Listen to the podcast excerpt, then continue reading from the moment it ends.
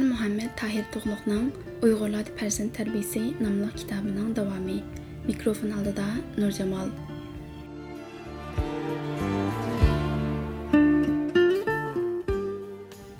İkinci bab Pərzəndlərinin əqli və cismani sapasını östürüşünün dəstəbki amilləri. Qazanda nə bolsa, çümüşkü şu çıxıdı. Uyğur xalq maqal təmsili. Siz adamın nə ekanligini biləmsiz? Uning yoshirin iqtidori va qudratini tushunamsiz. Muntazam tarbiya ko'rgan odam bilan tarbiya ko'rmagan odam o'tirisidagi farqning qanchalik zo'r bo'lganligini his qilganmi? Odam g'oyat qudratli kuch. Bu dunyoning ruhi va biziki. U aqliy buyukligi bilanla dunyodagi barliq mavjudotlardan yuqori turdi.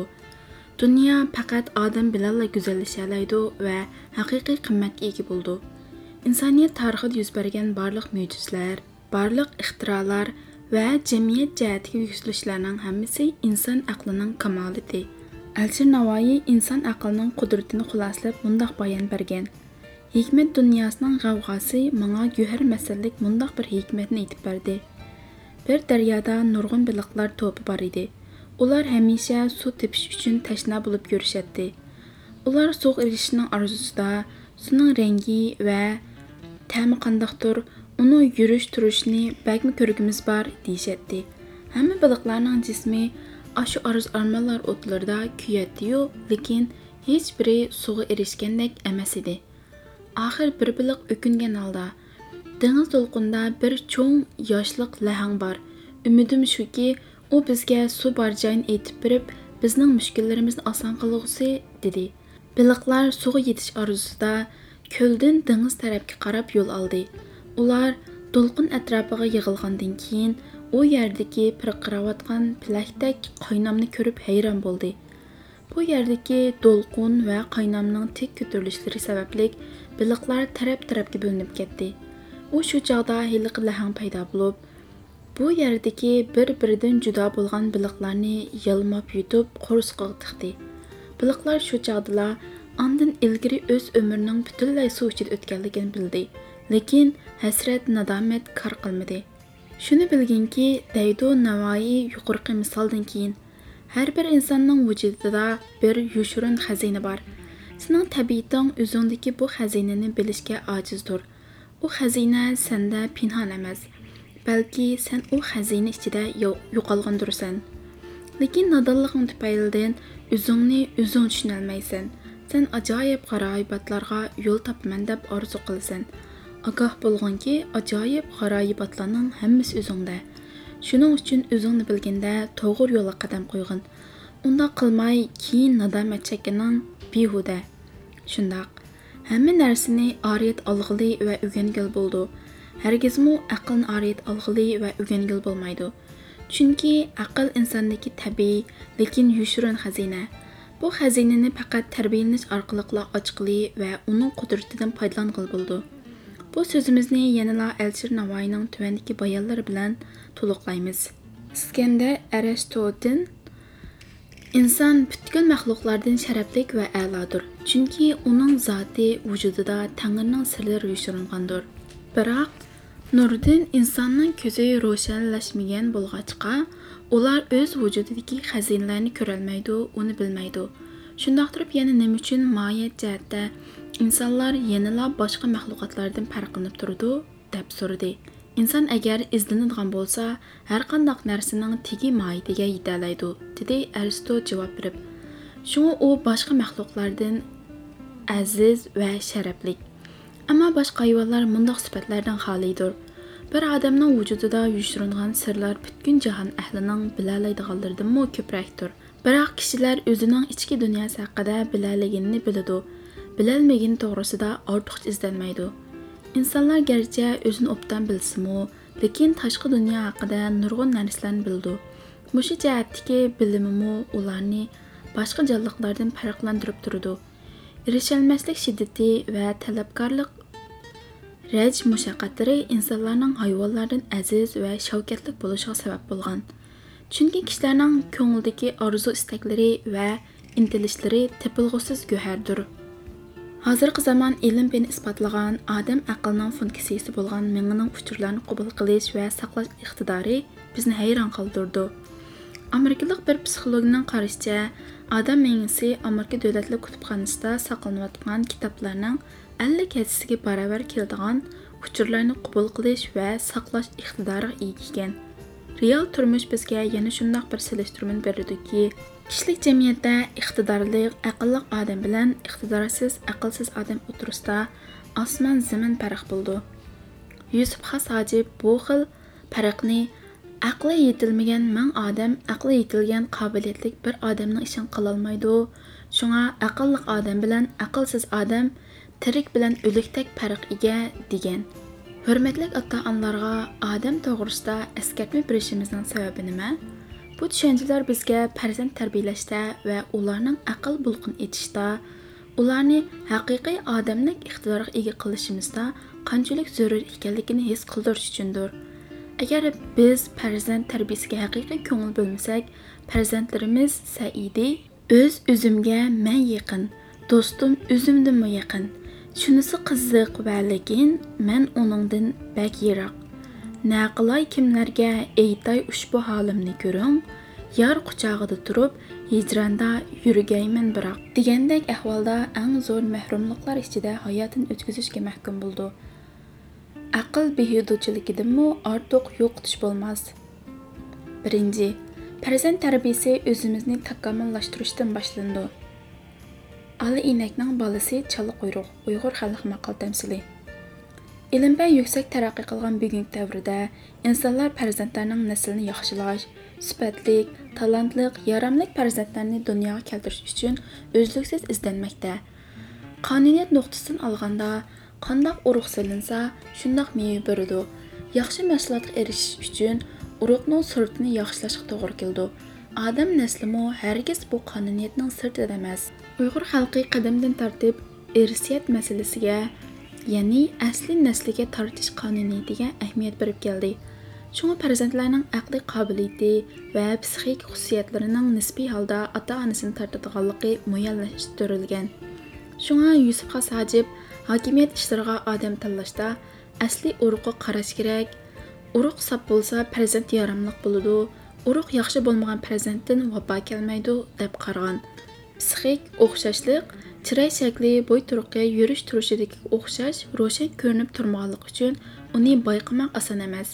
Real turmushdan qaraganda aqliy qobiliyat jihatga selishtirmada farzandlarning tunjisi ya'ni er ayol yosh go'dak aqliy qobiliyati va jismoniyati to'liq yetilmagan mazgilda tug'ilgan bolalar bilan uchinchi farzand ya'ni ota onalar to'liq yetilgan aqli to'shqan turmush tajribasi mo'llashgan chog'da ko'rgan farzandlarning aqliy qobiliyati o'xshash bo'lmaydi qadimgi uyg'ur cho'chaklaridagi kenji o'g'ilning oldidagi ikki aksiga qaraganda aqlliq va qobiliyatli bo'lganligidanmi ma'lum ilmiy asosi bor ikkinchi nuqtadan qaraganda aqlli qobiliyatli tarbiya ko'rgan ota onalardan tug'ilgan bolalar bilan tarbiyalanmagan do't nodon Mədəniyyət səviyyəsi tövən ata-anaların toğulğan pərəzətlərinin əqli iqtidarda bəlgilik fərq buldu.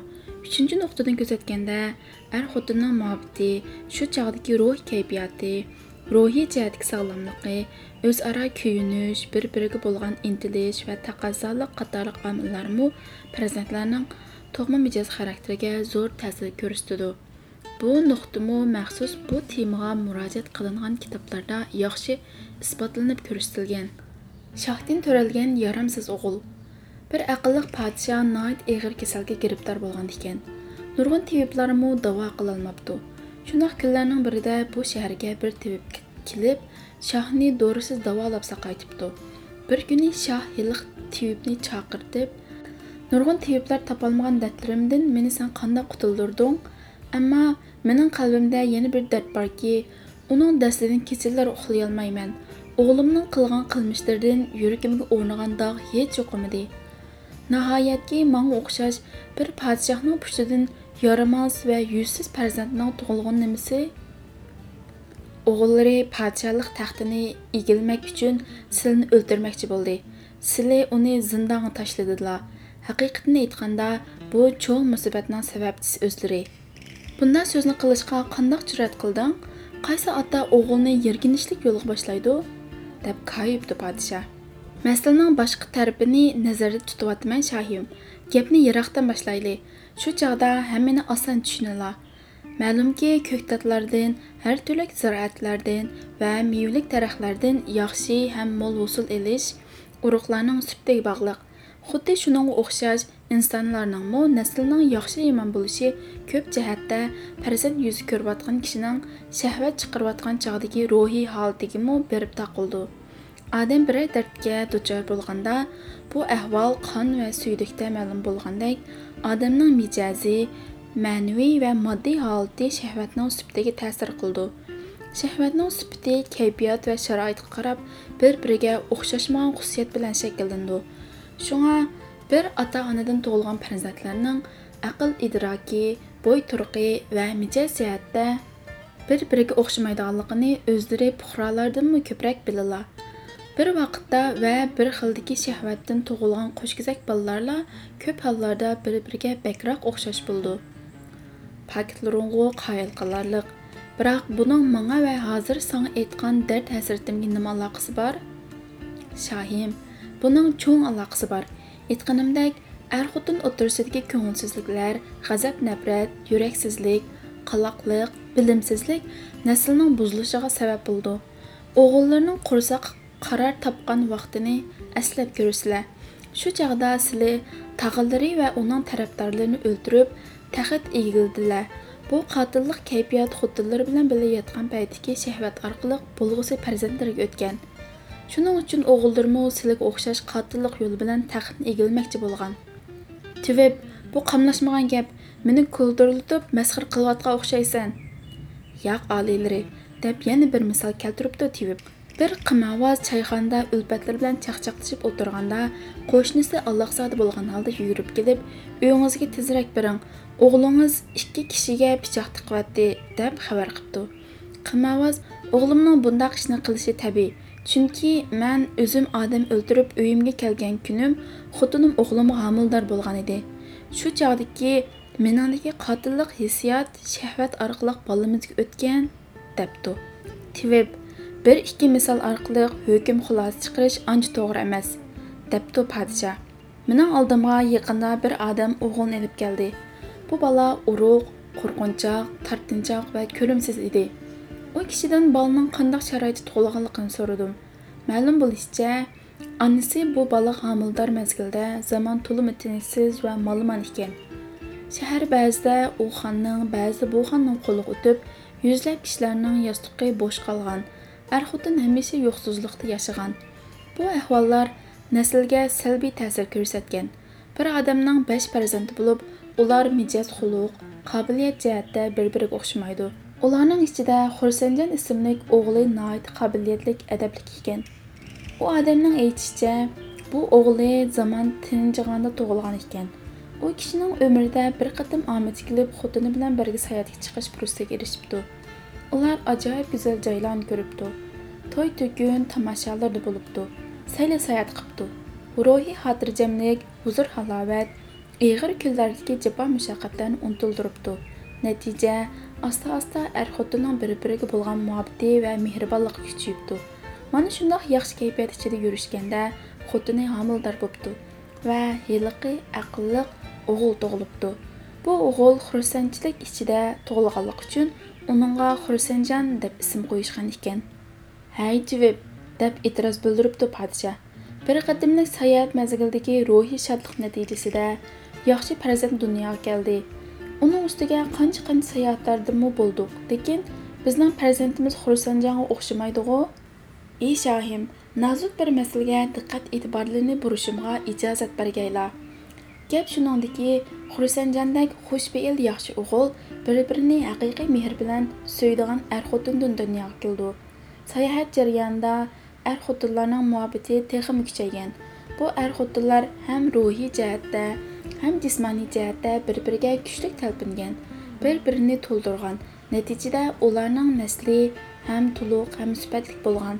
Sizning o'g'illari homil bo'lgan paytlarda sizlar er xotinda ana shundoq samimiy muhabbat va kuyimchanlik bo'lmaganda qildi bunday deyishga qandoq tiling bordi bir birimizni so'yimiz deb e'tiroz bildiribdi podshoh shohim bir qo'shiq qanimdan kechgaylar to'g'ri dastlab shundoq bo'lgandi keyin ahvol o'zgargan o'zlari o'ylab ko'rsizlar sizlar haramlardagi go'zal kinizaklar bilan maishat qilgan turuqliq qandoq qilib xotinimni so'yman deyalaydilar xotinlaringizninmi sizlarni so'ymaydiganligiga ishonchim komil bo'lmasa xotinlaridan so'rab boqaylar shah xotinidan samimiy javob berishni o'tinib so'rabdi meni suyamsan yoshirmay rostliq bilan javob bergin bo'ludi man aytay sizlar bilan bir yostiqqa bosh qo'yganda muhabbatim o'tidan o'zimmi qo'rqqan edim ammo uzoq o'tmay muhabbatimni haramdagilarga oyoq osti qilib berdilar muhabbatimning yolqinida isinishga ulgurmayla uning tutuni ko'zimni ko'r qildi podshohim ammo man sizlar so'rayotgan yurtning bir quliman. Garchi sizlar xonish deb atab kelgan bo'lsinmi sizlarga bo'lgan muhabbatim emas nafratim uchun sizlar meni darg'a esishga haqliq. Bu savaqtim podshoh shuncha qoyil bo'pti va man mush kungacha ko'plagan hayot sirlaridan xabarsiz bo'lganimdek xotinimning nafratidan xabarsiz ekanman. Afsus debdi bu biz tushungan va tushunib bo'lolmagan faniy dunyo shohim sabr toqatlik qanoatchan ayollar oz emas ular oilaning manfaatini ko'zlab erlarning noto'g'ri harakatlarini bilsimu bilmasga soladi ko'ngildagi noroziliklarni maxfiy tutadi ularga sodiq bo'lish izzat hurmat bildirish ko'ngillarni elish va orzu tilaklarini vujudga chiqarish har bir er kishining burchidir ondan xotin kishida erga bo'lgan muhabbat va hurmat jo'sh urib turdi. Ayolning irik bo'lgan muhabbati kuchaygan paytda tug'ilgan bolaning tabiatida ota onaga bo'lgan mehribonlikmi kuchli bo'ldi va ota onani qadrlaydigan bola bo'ldi. Tug'ma xususiyatlar mayli ijobiy bo'lishidan mayli salbiy bo'lishidan qat'iy nazar har qanday sharoitga duch kelsimi ko'p hollarda asliy mohiyatini o'zgartmaydi shundoqmi kishilar bo'lganki yoshligida qo'l yoki kambag'al bo'lib keyingi chog'larda cho'ng amaldor va davlatman bo'lib dong chiqargan sharoitning yo'qligidan savodsiz qolgan oddiy kishilar orasidami dongliq shaxslar chiqqan ba'zi ziyoli oilasidan yuqori tabiqadan kelib chiqqan turuqliq o'zining qobiliyatsizligi tufayli hech qanday ishni boshqa ilib chiqolmaydi o'z tabiatiga nisbatan irodasi bir qadar kuchli qisman kishilar tug'ma nuqsonlarini zo'rig'i sir tutishi mumkin. Biroq vaqti kelganda uning bu nuqsonlari ixtiyorsiz holda portlaydi.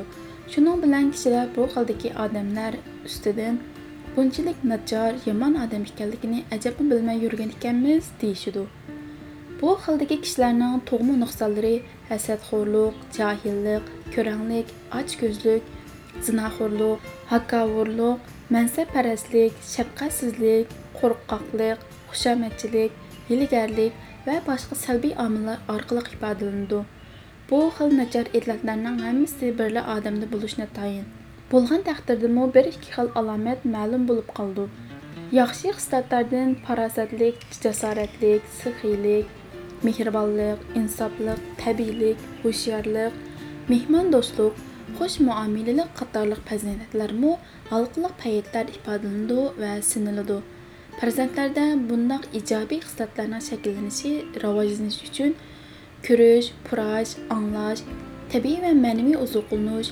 uzuqlanishni bilish qatorliqlarning rolining cho'ngligini albatta bilamiz shohim deb so'zini xulosalabdi tivib yuqorqi bayonlarning ilmiy asosi xili cho'nqur u kishilarning uzun yillik turmush amaliyoti davomida to'plagan real turmush paketlarining xulosasi ota onalar farzandlarining aqlli qobiliyatli farosatlik adab axloqliq mehribon jur'atlik odam bo'lish uchun o'ziga qandaq jismoniy va ma'naviy shartlarni hozirlash kerak birinchidan ota onalar oldi bilan o'zining jismoniy va ma'naviy saposini o'stirishga alohida ahamiyat berish kerak buning uchun kelgusining ota onalari kichikdan boshlab atrofliq tarbiyalanishi kallasini ilm fan bilimlari turmush tushanchalari bilan qurollantirishi tafakkurni chiniqtirish kerak.